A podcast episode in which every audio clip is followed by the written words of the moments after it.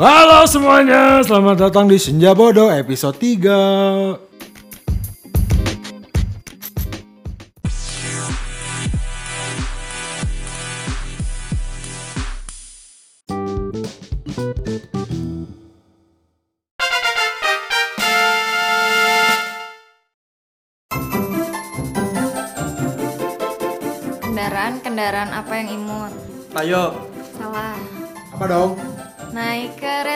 api. Cute cute.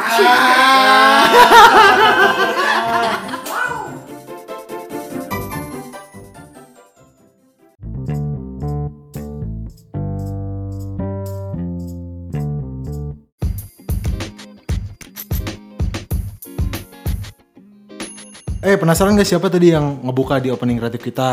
Siapa? Ayo. siapa yo? Siapa? Ayo. Sehari ini ngaco. Gue nggak sendiri. Gue ditemenin sama Hilman, sama Arif dan siapa Ayo yang tadi? Siapa? Yang tadi itu mau ngasih klarifikasi tentang episode kemarin. Ternyata. Jadi ada yang ada yang ngerasa kegeeran, makanya panas buat datang ke podcast kita hari ini. Harusnya sih gue ditemenin sama Fajar, cuma Fajar lagi atit. Oke, kenalan dulu dong. Siapa siapa aja di sini tadi? Hilman, Arif. Sama siapa? Alifa. Oh, ini dia yang mau klarifikasi ya. Senja ini kita mau bahas tentang binatang. Oke? Binatang. Nah, sebelum masuk binatang, ada sesuatu yang mau disampaikan. Apa itu, Ipe? Nggak jadilah kasihan. Oh, nggak jadi. Oke, oke. intinya Kenapa? intinya di podcast kemarin ada yang pembunuhan karakter. Gimana emang bagian yang mana sih? Bagian yang mana? Bagian yang katanya eh gue ngajakin dia ketemu padahal tidak ya Ferguson. Jadi emang emang emang sebenarnya gimana? Aku kan lupa. Janganlah kasihan kok diceritain. intinya intinya saya nggak pernah ngajakin dia ketemu ya, cuman karena ya gitulah pokoknya. Udahlah janganlah kasihan. Jadi intinya kegeeran ya. Oh. Yaudah deh. Eh, gue mau nanya dong di sini. Siapa di antara kalian yang memelihara binatang? saya. Saya pelihara Pernah dulu. Saya berdua pelihara. Saya pernah dulu. Pelihara apa? Oh, oke. Ta- Tanya Hilman dulu ya. Hilman dulu pelihara apa? Kucing, Oh, Kucing. kucing. Dulu pas zaman zaman kuliah. Ya, ngejawabnya ke sini dong. Dulu pas zaman zaman kuliah orang melihara kucing. Kenapa nam- namanya siapa? Namanya siapa? Namanya Edi. Loh, kok Edi? Terinspirasi rektor Unikom. Oh, Namanya keren ketua. PSSI. Ya, kami bisa main jadi band juga. Oh, ke- terus ke mana sekarang kucingnya? Dijual orang butuh duit. Iya, iya, parah banget ya. Kok gue jual gitu? Nah, aneh aneh ya denger denger kayak binatang dijual tuh aneh ya. Ya, makanya kenapa dijual ngaco aja nih. Eh, kalau Cupang juga lucu. melihara cupang. tapi di Jepang pernah. Coba Arif sama Alifa nih punya nggak sih binatang peliharaan? Punya ada eh, doggy, little little doggy. Namanya Peki. Oh Peki. itu ceritain dong gimana dapatnya? Jadi dulu itu gue itu dulu anak mapala waktu zaman kuliah. Nah terus emang waktu itu gue nggak ikut waktu zaman mapala itu gue nggak ikut. Mereka lagi naik gunung Bukit Tunggul. Oh keren naik naik gunung lewati lembah. Ya naik gunung Bukit Tunggul. Tapi nggak lewati lembah. Ya. Nah naik gunung. Terus jadi waktu naik gunung itu ada anak anjing dua. Ada anak anjing dua. Satu warna putih, satu warna putih coklat. Ngikutin, ngikutin terus. Cuman dibiarin karena mungkin oh ini ada induknya kali atau gimana. Terus akhirnya ya udah naik gunung. Terus pas udah sampai puncak turun lagi ketemu lagi. Tapi ketemu lagi cuma satu yang satu lagi udah nggak tahu ke mana. Terus akhirnya ditungguin ditungguin sampai sampai eh, sampai malam lagi gitu lah ditungguin. Nggak di, nggak dipegang nggak di apa ditungguin diliatin ini induknya mana gitu sampai jadi emang karena masih kecil banget ya masih kecil banget. Dan dia juga jalannya susah gitu kan tapi nggak ada induknya bingung. Akhirnya ditungguin sampai lama banget sampai udah nggak ada nggak ada lagi induknya. Udahlah kita bawa turun. Maksudnya tuh dibawa turun itu karena kasihan dia juga eh, aus lapar gitu kan. Masih kecil masih bayi kedinginan. Akhirnya dibawa turun di bawah dikasih makan dikasih minum ngobrol sama warga. Eh, kata warga emang di situ kalau misalkan anjing udah beranak ditinggalin anaknya. Nah, r- kebanyakan mati. Ya udah akhirnya diputusin untuk dibawa pulang, diadopsi akhirnya. Nah, sampai sekarang umurnya udah sat- satu tahun sekian bulan ya, Satu tahun lebih. satu tahun lebih. Dia itu justru anjing paling pinter sih menurut gue yang paling pinter yang pernah gue lihat, gue temuin itu dia itu sekarang. Pinternya gimana? Pinternya itu ya dia kalau misalkan kita suruh nurut gitu kan disuruh ke warung beli makan Lu beli, beli rokok disuruh dia lagi. ya? Lu mau pemalesan lu kan. Enggak, enggak, emang- Enggak, Oh. pokoknya pokoknya pokoknya respect aja Respect karena kan dia. anjing itu kan harus respect kan sama tuannya kan. Jadi dulu tuh kita punya anjing kan dua, yang satu golden, yang satu yang anjing gunung itu. Tapi yang golden ini karena dari kecil sama gue, terus karena gue kan cewek dan nggak tahu gimana caranya ngurus anjing sebelumnya jadi kurang kurang ini kan. Jadilah anjingnya tuh kayak eh, sama manusia tuh malah kayak dia tuh nganggap diri dia tuh tim alfanya. Jadi gue sering kena gigit gitu. Oh, yang kemarin ngegigit pantatnya Arif tuh dia ya? Iya, iya itu dia. Dan itu juga kemarin sempat eh, ya udah akhirnya karena udah banyak banyak banyak korban banyak korban akhirnya gue coba eh, cari adopter gitu kan. Yang akhirnya alhamdulillah ketemu ada dia adopternya dia emang dog trainer jadi gua nggak nggak ragu lah buat nge- ngasih ke dia gitu. Ya udah akhirnya Khawatir lah ya. iya akhirnya diadopsi sama dia. Ya udah gitu sekarang cuman satu si Peki ini makanya sayang banget jadinya sama dia tuh sekarang. Iya gitu. Karena emang jadinya kayak orang-orang yang belum pernah pelihara anjing itu harus banget sebelum pelihara tuh banyak baca banyak pokoknya banyak nanya ke orang yang emang udah pro soal anjing gitu. Kalau enggak jadinya kayak salah didik kayak gue gitu. Karena gue dulu kalau dia salah gue nggak pernah marahin. Karena lucu banget yang namanya golden kan lucu banget. Eh gedenya jadi ngelunjak ya udah. Karena itu juga gue pas ngelepasnya di adopsi itu tiga hari dua hari lah gue nangis mulu. Karena kasihan aja gitu ternyata harus berpindah tangan. Itu udah berapa lama ya kalau ngajarin anjing golden itu? Wah ya harus harus harus sabar sih harus tiap hari diajarin jadi emang kita harus kasih makan diajarin lah pokoknya harus diajarin sampai benar-benar dia Nurut ya? nurut dan tahu kata-kata itu kan anjing itu bisa ini fun fact bisa menghafal lebih dari 500 kata Lebih dari Hilman ya, Den? anjing itu bisa bisa menghafal lebih dari 500 kata tapi caranya itu per kata itu emang harus sabar itu doang. Oh. Jadi kalau gue denger-denger kayak ngedidik anak juga ya, ngedidik anjing itu ya? ya ya Oh, Jadi jadi kita kita harus tetap uh, sayang sama dia tapi gimana caranya kita harus bikin dia respect sama kita itu yang, juga ya. Nah, itu yang susah Iya bener sama kayak ngurus anak juga ya ini. Jadi kalian berdua tuh judulnya latihan ya. ya Iya tuh. Iya bener. Kan kalau misalnya kalian berhasil ngelatih anjing binatang gitu loh ya. Masa ngel- ngelatih manusia nggak bisa gitu kan? makanya. Tapi manusia pasti lebih susah lagi kan? Ya iyalah karena ada sekolahnya. Mahal bos. Cari duitnya itu. Tapi an- tapi anjing juga perawatannya rada mahal nggak sih? Ya kalau anjing gunung yang gua temuin kemarin sih sebenarnya kita cukup mandiin dia mandi sendiri juga mandi sendiri dan makannya juga nggak ribet gitu makannya pasti dia mau apa gitu. Kalau mandi sendiri dia emang gimana? Ke shower sendiri gitu bersihin ketek gitu gimana sendiri? Pakai Rexona pokoknya anjing tuh lebih mahal dari kucing aja maksudnya karena kan dia bulunya juga ya apalagi anjing yang gede gitu kan yang waktu golden itu gue sampai sebulan tuh ngeluarin 500 ribu buat makannya dia doang gitu. Ya ya perawatannya kayak gitu gimana perawatannya juga sama jadi hampir 500 ribu lebih hampir sejuta lah karena buat mandiin grooming segala macam karena kan karena gue dulu sendiri jadi gue kayak ya gue nggak bisa kalau nggak grooming gitu ya udah akhirnya jadilah Jadi ya pesan dari gua sih untuk orang-orang yang uh, punya niat ingin mengadopsi anjing, cobalah pikir-pikir lagi gitu kan.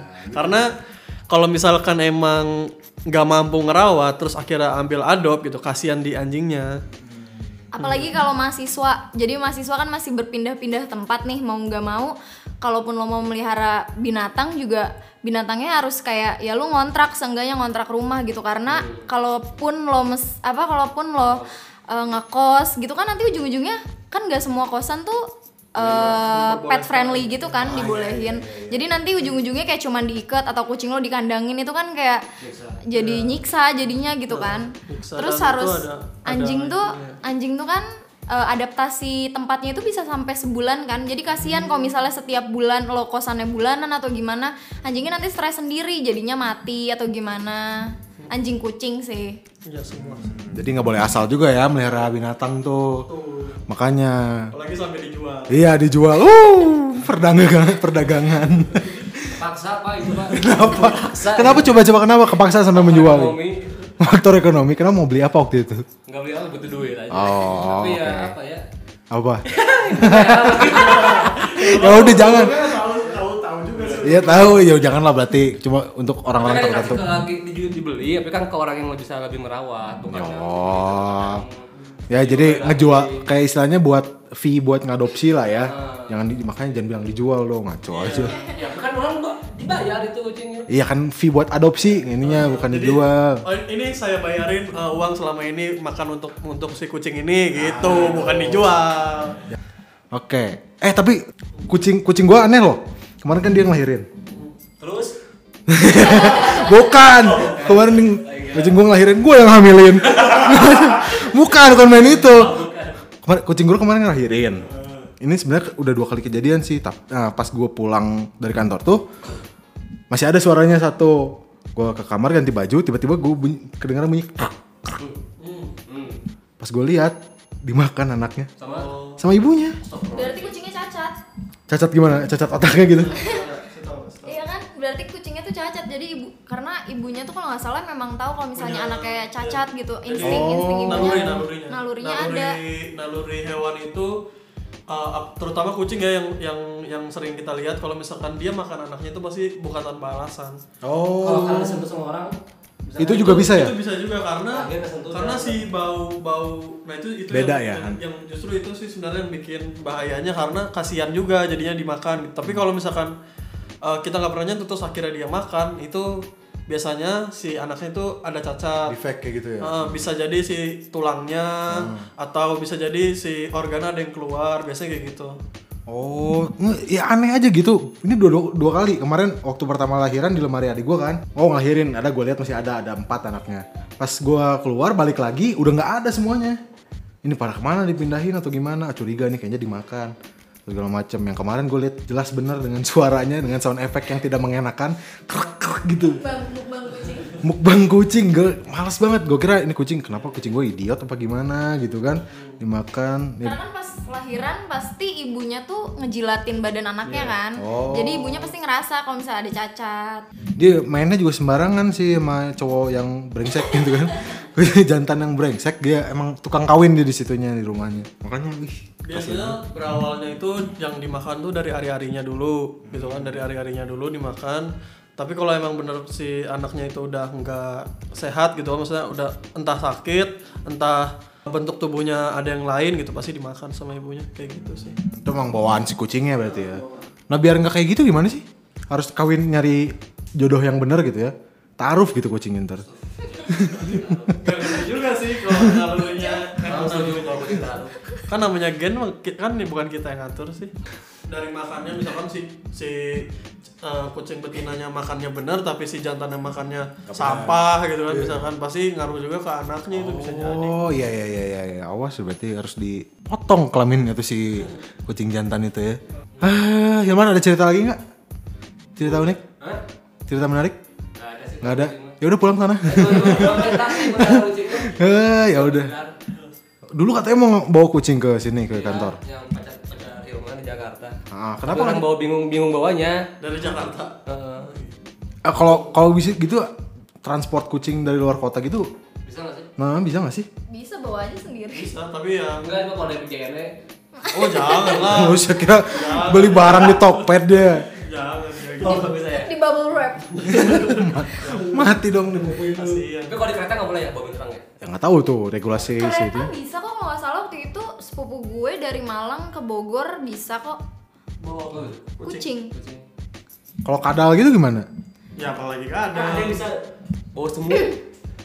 siapa pelihara Kan semut mah nggak usah di- dibawa naik sendiri Iya ngapain sih? Tapi pokoknya tipsnya kalau misalnya bawa kucing atau anjing keluar kota gitu jangan dikasih makan. Jadi sebelumnya tuh jangan dikasih makan sebelum perjalanan. Kenapa kasihan dong lapar? Nanti pup, Oh, pipis, iya, iya, nanti iya, iya. stres dia mual, muntah. Oh, kayak orang juga ya kucing. Hebat. Ah, ya udah deh, segmen satu ini kita akhir dulu sampai sini kita break dulu lah. Capek, panas lagi nih studio. Kenapa sih? Kita bakal bahas selanjutnya tentang binatang, masih tentang binatang ya.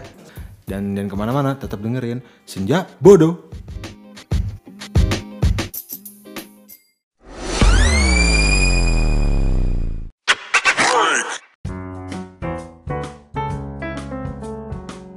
Senja Bodoh.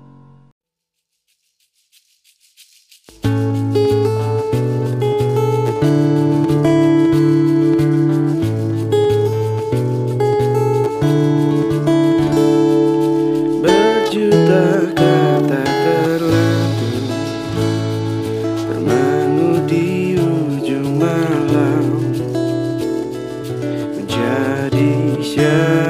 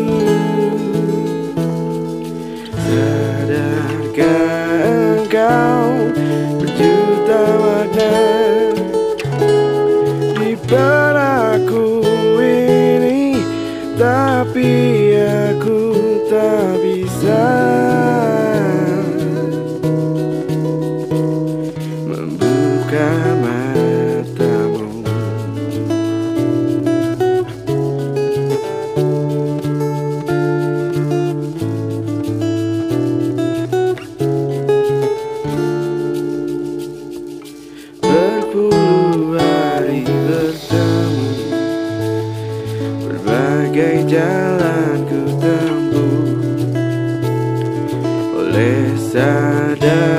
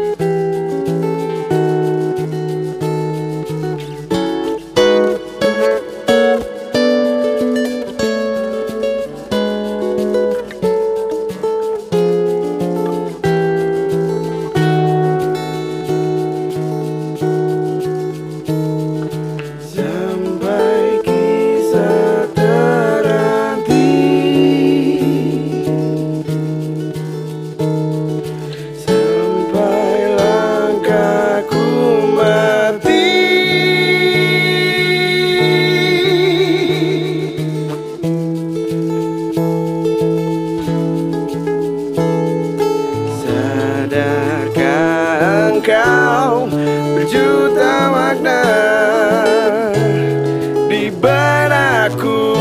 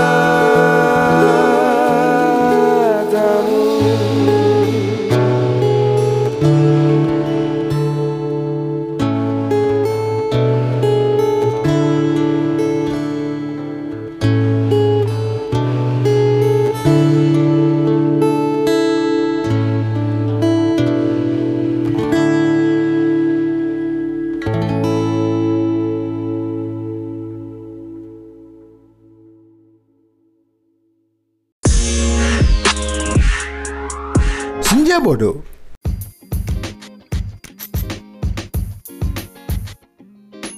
Iya, masih di Senja Bodoh. Kali ini kita udah masuk ke segmen kedua. Kemarin gue baca-baca di volume.id ada kasus eh, si Poli ya namanya ya. Poni. Poni. Poni. Jadi Poni itu seekor eh, orang utan seekornya seekor orang utan yang katanya diperjualbelikan secara seksual. Ya itu kasusnya di mana sih? Gue lupa itu bacanya. Di Kalimantan. Di Kalimantan ya? Kalimantan Tengah. Si poni orang utan itu dia eh, sempat dijual oleh warga sekitar ya katanya ya. Iya. Warga sekitar buat warga lokal. tuh buat jadi sex worker, buat jadi pelacur di situ. Dan kebanyakan tuh dia disewa, disewa ol- oleh laki-laki hidung belang. Nah, dia tuh nasibnya gimana, Rip? Jadi eh, si Poni ini dia dipekerjakan sebagai pekerja seks komersial di Kalimantan Tengah waktu itu. Jadi dia tuh bulunya dicukur, dicukur habis. Jadi benar-benar eh, mungkin biar merasakan sensasi skin to skinnya seperti sama kayak manusia gitu ya. Akhirnya terus dia dirantai di tempat tidur. Dia itu kan kalau si orang hutan itu dia eh, banyak bulunya itu sebenarnya perlindung pelindung dia dari gigitan nyamuk terus luka misalkan dia jatuh dari mana atau gimana sampai dia digigit nyamuk terus dia iritasi kulitnya. Sebenarnya eh, ya itu udah lama sih berita lama. Cuman si berita ini itu eh, menurut gua kenapa bisa sampai seperti ini pasti ada yang salah gitu kan. Entah dari pemerintahnya entah dari warga lokalnya gitu yang emang mungkin kurang edukasi pada saat itu Karena si Puan ini kalau nggak salah juga apa dianggap sebagai apa penghasil uang katanya. ya penghasil uang dan Juga. Kayak judi gitu kan. yang yang bikin gua bete dia ini dianggap sebagai pembawa keberuntungan apa coba Malah warga yang mau nyelamatin si Poni ini bakal dihadang oleh si warga-warga yang ada di sana gitu. Tapi sebenarnya ih, manusia yang tidak manusiawi itu ya. Parah banget coba. bisa jadi ya karena di sana terbatas juga sih maksudnya prostitusi mungkin nggak nggak ada di sana gitu sampai akhirnya orang berpikir berpikir dan nggak tahu kenapa timbul pemikiran seperti itu gitu untuk memperjualbelikan seks komersial sama hewan apalagi orang hutan gitu konteksnya di sini kan Tapi aneh, gimana? Emang apa rasanya gitu gimana? Coba coba kita tanyain sama narasumbernya. Man gimana rasanya? Saya tidak apa bro. Fun fact juga sih katanya si poni itu buat ngembaliin rasa normalnya itu apa orang hutan pada umumnya gitu tuh waktunya tuh bisa 10 tahun. Karena dia nggak tahu caranya manjat kayak gimana dia nggak tahu caranya pokoknya dia nggak tahu cara berburu seperti apa buat mempertahankan hidupnya dia iya. cara bikin sarang nah itu sih yang kasihan karena itu perlu kerja keras sangat amat sih kasihan aja. 2003 eh, diambil sama tim BOSF itu namanya Balai Konservasi eh, Borneo Orangutan Survival Foundation BOSF sama BKSDA Balai Konservasi Sumber Daya Alam. Jadi waktu itu mereka pas ngambil itu dihadang sama warga lokal sampai negosiasi-negosiasi akhirnya eh, bisa diambil. Dan orang-orang yang ngerawat si poni ini teriak-teriak teriak-teriak nangis sedih gitu. Gak mau lepas gitu Gak dia. mau dia nggak mereka nggak mau lepas itu. Tapi akhirnya uh, mungkin uh, balai konservasi itu punya cara sendiri kira dibawa di rehabilitasi di Nyaru Menteng namanya. Terus kemudian uh, si poninya ini diajarin buat belajar lagi hidup sebagai orang hutan gitu. Cuman itu butuh waktu yang tadi kata tadi 10 tahun lebih lah itu karena orang hutan ini karena gennya hampir 90% lah hampir mirip sama manusia gitu kan itu punya rasa trauma Oh, mereka ke, kena psikisnya juga kena ya selain fisik ya. kena Kasian. setelah eh, sekarang ini dia udah udah dilepas tetap masih dalam pengawasan tapi dia sekarang udah udah bisa hidup sebagai orang hutan gitu tapi rasa traumanya dia nggak nggak pernah mau punya pasangan sampai sekarang Oh, tuh berarti benar sama kayak manusia juga dia ya. Berarti benar, ih, Charles Darwin dulu kayaknya bener ya. Manusia turun dari keturunan monyet. Ayo, ayo, gimana nih mau ngunda- teori, teori Darwin yang kan? lebih lucunya lagi bukan lucu sih kayak sedih aja gitu jadi si poni ini dilatih buat kayak genit gitu sama manusia jadi setiap ada kayak laki-laki lewat dia tingkahnya sama kayak manusia genit gitu Oh, itu yang ngajarinnya warga situ juga. iya warga yang ngajarin di situ Parah. Manusia harusnya kelakuannya kayak manusia. Ini malah kayak binatang. Binatang nih jadi kelakuan kayak manusia kan ngaco. Jangan sampai gitu. Saya menolak. Menolak. Menolak. Boleh. Tapi berhenti mainin cewek ya. Ya enggak. Eh, Gimana? kelakuannya. Ini manusia juga emang ngerusak ekosistem bumi ini ya. Kemarin juga denger, gue denger kasus yang paus, kan, yang di Sulawesi ya, paus ya, Oh, Wakatobi. Wakatobi. Tuh paus itu dia jadi kemakan si plastiknya ya, bukannya plastik gelas segala macem kan. segala macam Jadi sampah-sampah yang di laut itu dimakanin semua sama si paus itu kan, karena dia nggak tahu kan. Pas ketahuan-ketahuan udah jadi mayat, kan serem juga. Jadi ada nih data laporan tertulis BTN Wakatobi sampah plastik yang ditemukan di dalam perut pausnya itu Berapa? ada gelas plastik 115 buah seberat 750 gram plastik keras Hah? botol plastik 4 buah kantong plastik 25 serpihan kayu 6 potong karung nilon. Karung nilon 200 gram ada satu potong. Sama tali rapia 3260 gram atau 3,2 kilo. Sebanyak 1000 potong. Itu barang-barang sehari-hari yang kita pakai semua ya, beneran ya. Pada buang sampah sembarangan apa gimana sih bisa di laut? berawal dari sungai sih karena sungai itu kan pasti ke mana-mana ujung-ujungnya pasti eh, larinya ke laut. ya pasti dari warga pengunjung pengunjung kayak gitu sih. Terus bentuk plastik apa ben- bentuk sampahnya tuh kayak masih kantongan di dalam kantong gitu. Jadi dia nalan mentah-mentah si kantong yang si ikan paus kan makannya plankton ya. Jadi emang Squidward plankton. SpongeBob. Squidward mah cumi, kita juga makan. Jadi emang dia bakal menelan apa aja yang ada di laut eh, dan permukaan laut gitu. Dia nggak nggak bisa bedain itu sampah itu ikan itu plankton gitu. Jadi semuanya masuk gitu. Kalau misalkan yang masuk ikan itu masih syukur-syukur karena masih bisa dicerna sama dia. Tapi kalau sampah kan itu udah nggak bisa dicerna lagi. Sama manusia aja nggak bisa apa gimana? Iya. Karena kenapa dia mati, gampang mati karena dia ngerasa badannya dia ini udah kenyang. Padahal itu sebenarnya bukan makanannya dia gitu. Sebenarnya kan si plastik itu dia menjadi buruknya itu kan bertahun-tahun kan ngambilnya. sampah sampah plastik itu ya dampaknya sebenarnya bukan bukan buat hewan aja tapi pencemaran air dan tanah jadi jangan jangan heran kalau misalkan kita eh, ngambil air sumur itu kotor terus kalau misalkan nanti sawah-sawah atau perkebunan nanti susah untuk susah untuk tumbuh gitu kan bukan salah siapa-siapa tapi salah kita sendiri gitu kan dan paling bahaya kalau sampah plastik itu dibakar sebenarnya Kenapa? Ya karena eh, si senyawa kimianya itu bisa mencemari udara itu jadi ngelepasin bahan-bahan kimia beracun dia. Si asapnya itu. Nah, itu bukan bukan hanya hewan aja itu manusia kalau ngirup itu juga bisa mati. Iya. Jadi kalian udah pernah menerapkan di sini biar ini bi- eh, biar kita eco friendly dan bisa menjauhkan dari eco disaster itu? dari gerakan-gerakan kecil aja sih kayak misalnya lo udah nggak pakai sedotan plastik gitu ya udah diganti sama yang stainless sama yang bambu terus ya styrofoam tuh sebenarnya ya janganlah kalau bisa kalau misal emang kuartek ya lo jangan pakai styrofoam tapi bawa tempat bekal sendiri kan.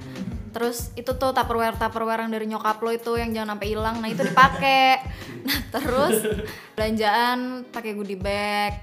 Jangan pakai plastik lagi. Walaupun emang sebenarnya kita butuh sih plastik. Kadang kan kita nggak mau gitu kalau misalnya kita bawa barang yang berupa ada cairannya terus tumpah gitu kan ya plastik doang yang bisa nolong kan tapi coba mengurangin aja dari sekarang maksudnya ada pergerakan-pergerakan kecil untuk itu gitu kesadaran sekarang juga McD juga udah gerakan itu ada kan jadi mereka nggak udah nggak ada sedotan lagi di situ karena biar orang-orang aware kalau misalnya ya sedotan itu emang nggak baik Kamu tau Murah- gak yang murah ini? tau. Yang apa? Gelas yang Ya terus Yang kamu ya gelas gelas dari ini rumput laut. ya. Jadi si gelasnya itu setelah kita pakai itu gelasnya tuh bisa dimakan. Gelas, piring itu terbuatnya dari rumput laut, tapi itu tuh udah berkembangnya itu di daerah Bali sebenarnya. Jadi ke Pulau Jawa itu kita masih belum masuk ke kita gitu. Jadi kalau misalnya kita mau barang itu harus dari Bali dan luar negeri dan segala macam. Jadi memang pemerintah kita juga kurang aware sama yang hal-hal seperti itu sih karena teknologinya mungkin di Bali pun yang ngebawa ke situ tuh yang ngebawa terobosan itu dari orang luar gitu kan. Susah. Jadi bentuknya tuh kayak ini loh. Jelly. Kalau kayak jelly. Kayak jelly, cuman dia lebih padat lagi gitu. Jadi setelah kita misalkan air minum bisa digigit tuh langsung bisa. Enak gak rasanya? nggak ada rasanya Nggak ada rasanya. Cuman itu ya jelly bentuknya gelas gitu gitu kalau itu bisa menggantikan sih kalau menurut menurut gue bisa menggantikan si gelas plastik tadi. Ya karena itu gelas plastik tadi berapa? 500 buah berapa tadi? Di dalam perut. Itu baru di dalam perut ikan paus kan? Tapi itu aman kalau buat kita. dikonsumsi Aman. aman karena dari rumput laut. Heeh, aman. Itu edible terus plastik juga plastik kalau nggak salah dibikinnya jadi lembaran kertas gitu. Jadi terbuatnya dari apa ya? Kalau plastik gue lupa sih. Kayaknya dari rumput laut dari ini juga deh. apa ya namanya? Pokoknya dia kena Apa air. dari susu ya? Bukan kena kena air itu langsung larut gitu. Terus Iya. tau nggak sih uh, bungkus bungkus permen susu? Iya, tahu tahu. Yang Nah, ada itu- kecil. itu. Nah cuman kelemahannya kita nggak bisa nampung air. Tapi nggak cuma itu aja sih buat kamu jadi eco friendly. Sebenarnya nggak cuma pakai bahan-bahan yang uh, bi- biodegradable atau misalnya kayak yang edible kayak tadi kan. Sebenarnya ada banyak uh, buat kamu ini tips-tips dari goodenergy.co.uk itu buat uh, your guide to eco friendly living. Jadi ada beberapa tips ya. Satu adalah turn it off katanya. Uh, jadi buat nyelam kamu jadi eco friendly itu ya kamu harus matiin uh, harus edit listrik lah istilahnya. Jadi banyak matiin perangkat-perangkat kamu yang nggak dipakai. Misalnya kayak charger tuh, apalagi kita kan HP sekarang udah ini banget ya. Jadi kalau habis ngecas ya, man, mana kalau habis ngecas tuh nggak pernah dicabut. Harus dicabut dari stop kontaknya, nggak boleh di. Heeh. Nih yang kedua ada lagi kamu harus berin- berinvestasi buat teknologi yang eco friendly. barang kayak lampu-lampu yang irit listrik, yang LED, yang kayak gitu kan mereka tahan lama dan irit listrik kan. Itu juga eco friendly barang-barang kayak gitu. AC segala macem yang nggak ngeluarin kan freon juga berbahaya ke ini kan ke atmosfer kita. Terus cari barang-barang yang 100% renewable yang bisa dipakai lagi nggak ulang lagi lah. Yang selanjutnya adalah kurangin makan daging katanya dengerin kurangin makan dan kurangin makan daging. Ini katanya nih manusia itu kan karbon footprint yang kita keluarin itu berbahaya juga. Jadi kalau kamu makan daging red meat ya, daging sapi kayak gitu-gitu bisa ngeluarin karbon footprint yang gede. Nah kalau kamu makannya sedikit dan makan banyak tumbuh-tumbuhan, sayur-sayuran lah perbanyak dan kurangin ini kamu bisa mengurangi juga karbon footprintnya yang ditinggalin sama badan kamu. Yang kelima itu ada jangan membuang-buang makanan. Mana merakus, lu merakus. kita harus menghargai makanan Iya betul. Selalu makan dengan habis. Makan, makan dengan habis, nggak pakai nasi. Habis sama iya, ya itu makanya jangan dibuang-buang kan. Dulu orang sempat baca juga ada beberapa Carrefour itu, kali dulu sempat campaign dia kalau misalnya sayur-sayur yang udah mau yang nggak kebeli itu, mereka masak-masakin sama warga di mana gitu ya, lupa. Nah mereka sampai masak-masakin si sayuran yang nggak kebeli, yang ke- nggak kebeli sama orang itu, bagus kan kayak gitu ya. Kalian bisa kayak gitu juga. Jadi di rumah tuh ya beli secukupnya aja kalau misalnya nggak ini. Jadi jangan sampai dibuang-buang. Yang keenam adalah kompos. Kamu bikin pupuk gitu. Jadi sayang kan kalau misalnya ya sampah rumah tangga kayak tadi sayur-sayuran sampah basah itu bisa kalian sama organik itu kamu kalian bisa bikin pupuk kompos gitu kan lumayan. Yang ketujuh adalah recycle everything. Jadi kamu mendaur ulang semua muanya. Ya pokoknya dari baterai, kertas, plastik atau misalnya apa pun itu kalian jangan dibuang tapi didaur ulang lah se- sebelum misalnya kalau misalnya nggak apa dibikin, dibikin uh, ada sih waktu itu dulu gua pernah tuh jadi dari plastik sunlight gitu sunlight terus dibikin tas Iya, diajar ibu-ibu ibu-ibu ibu-ibu. ibu-ibu itu ya, karya ibu-ibu ya. Tapi jangan dikumpulin aja kerjain. Nyokap gue dulu gitu mau bikin kerjaan-kerjaan gitu mah jadi nyampah di rumah juga. Nggak jadi-jadi. Jadi jadi sebelum dibuang ke tempat pembuangan kalian bisa pikirin dulu apa sih yang bisa dikerjain dari sampah-sampah itu kan lumayan. Dan yang terakhir ada try to cut out plastik jadi jangan gunakan plastik. Kalian bisa pakai ya tadi kan barang-barang biodegradable eh degradable atau misalnya kayak ganti tas buat belanja segala macem. Sebisa mungkin jangan pakai plastik. Nanti kemakan sama si paus itu kan kasihan. Apa itu? Apa itu? Apa ya? apa yuk tote bag. Bisa kan pakai tote bag juga kan? Banyak sekarang. Nah, bisa dibeli di mana pun lah. Jadi kalian kalau belanja tuh nggak usah pakai plastik. Sekarang udah nggak akan ada lagi plastik di supermarket. Iya, iya serius. Ada di berita kemarin orang baca.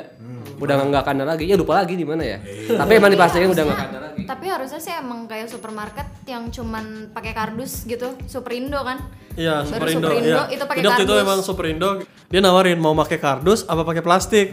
Cuman waktu itu pakai plastik. pakai kardus Oh, pakai kardus. Kamu pakai pakai kardus karena ya itu sebenarnya reuse juga kan. Dan si kardus juga sebenarnya kalau mau dibikin kreasi kan bisa juga bisa dibikin rak di rumah. kan eh, apa namanya supermarket kayak gitu kan mereka tuh ngejualin si kardusnya lagi kan ngiloin kardusnya lagi kan daripada dikiloin ya udah mendingan jadi pengganti plastik aja bayar nggak apa-apa lah 200 perak kan jadi duit juga gitu yang penting pakai kardus gitu daripada pakai daripada pakai plastik Betul. Iya. Apa itu? Tanggal 1 Desember. Bener nggak? Dulu juga kan? Dulu Iya. juga kan gitu Iya dulu juga kan. Perda Kota Bandung nomor 17 tahun 2012. Oh berarti Bandung. Heeh, di Bandung. Tapi nggak tahu nih yang lain. Ah dulu juga gitu, gue belanja ke Alfamart beli apa banyak pakai plastik nggak? Kalau pakai plastik kan dulu bayar, ditambahin sekarang enggak, gratis lagi. Ini harus dibenerin nih budaya kita juga kan bikin goodie ditekankan. bag lah. Murah kok bikin goodie bag. Misalnya bahannya polyester bukan polyester sih misalnya bahannya Kanvas. kanvas. Ngejahit ke tukang jahit paling cuman goceng. Terus ukurannya gede gitu. Buat ngejahit goodie bag doang udah.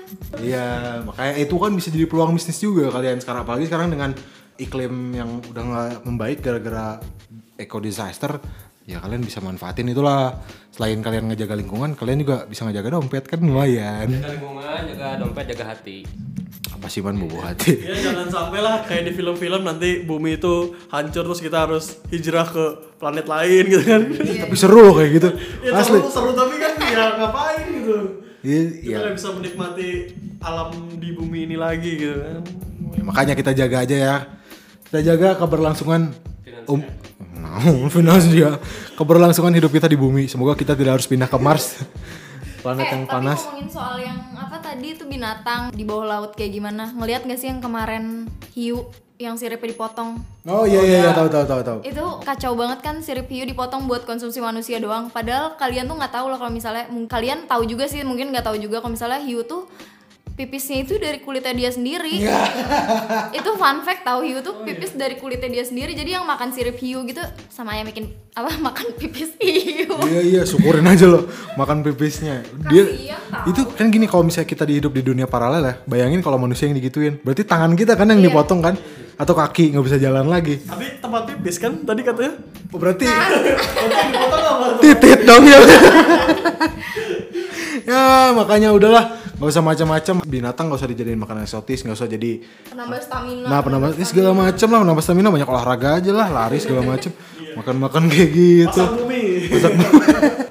ya udah tadi kan udah denger tipsnya biar kalian eco friendly sama biar kalian nggak apa ya abuse si binatang itu lah ya kalian jauh-jauhin lah jangan sampai ya kalian nyiksa binatang atau kalian bisa nyiksa lingkungan. Janganlah jauhin-jauhin aja. Jangan ada kata menyiksa-nyiksa mau diri sendiri atau siapa pun. Kalian baik-baik aja hidupnya. Ya benar nggak teman-teman? Tidak tanpa batas. berisik man. Ya udah ya udah episode ketiga dari senja bodoh ini diakhiri saja. Sampai sampai ya udah sampai jumpa lagi di episode senja bodoh selanjutnya. Gue Uki Wahil bang. Gue Arif. Raisa. Ini Raisa. Gratisan ya sana ya udah pamit undur diri. Sampai ketemu di episode senja bodoh selanjutnya. Dadah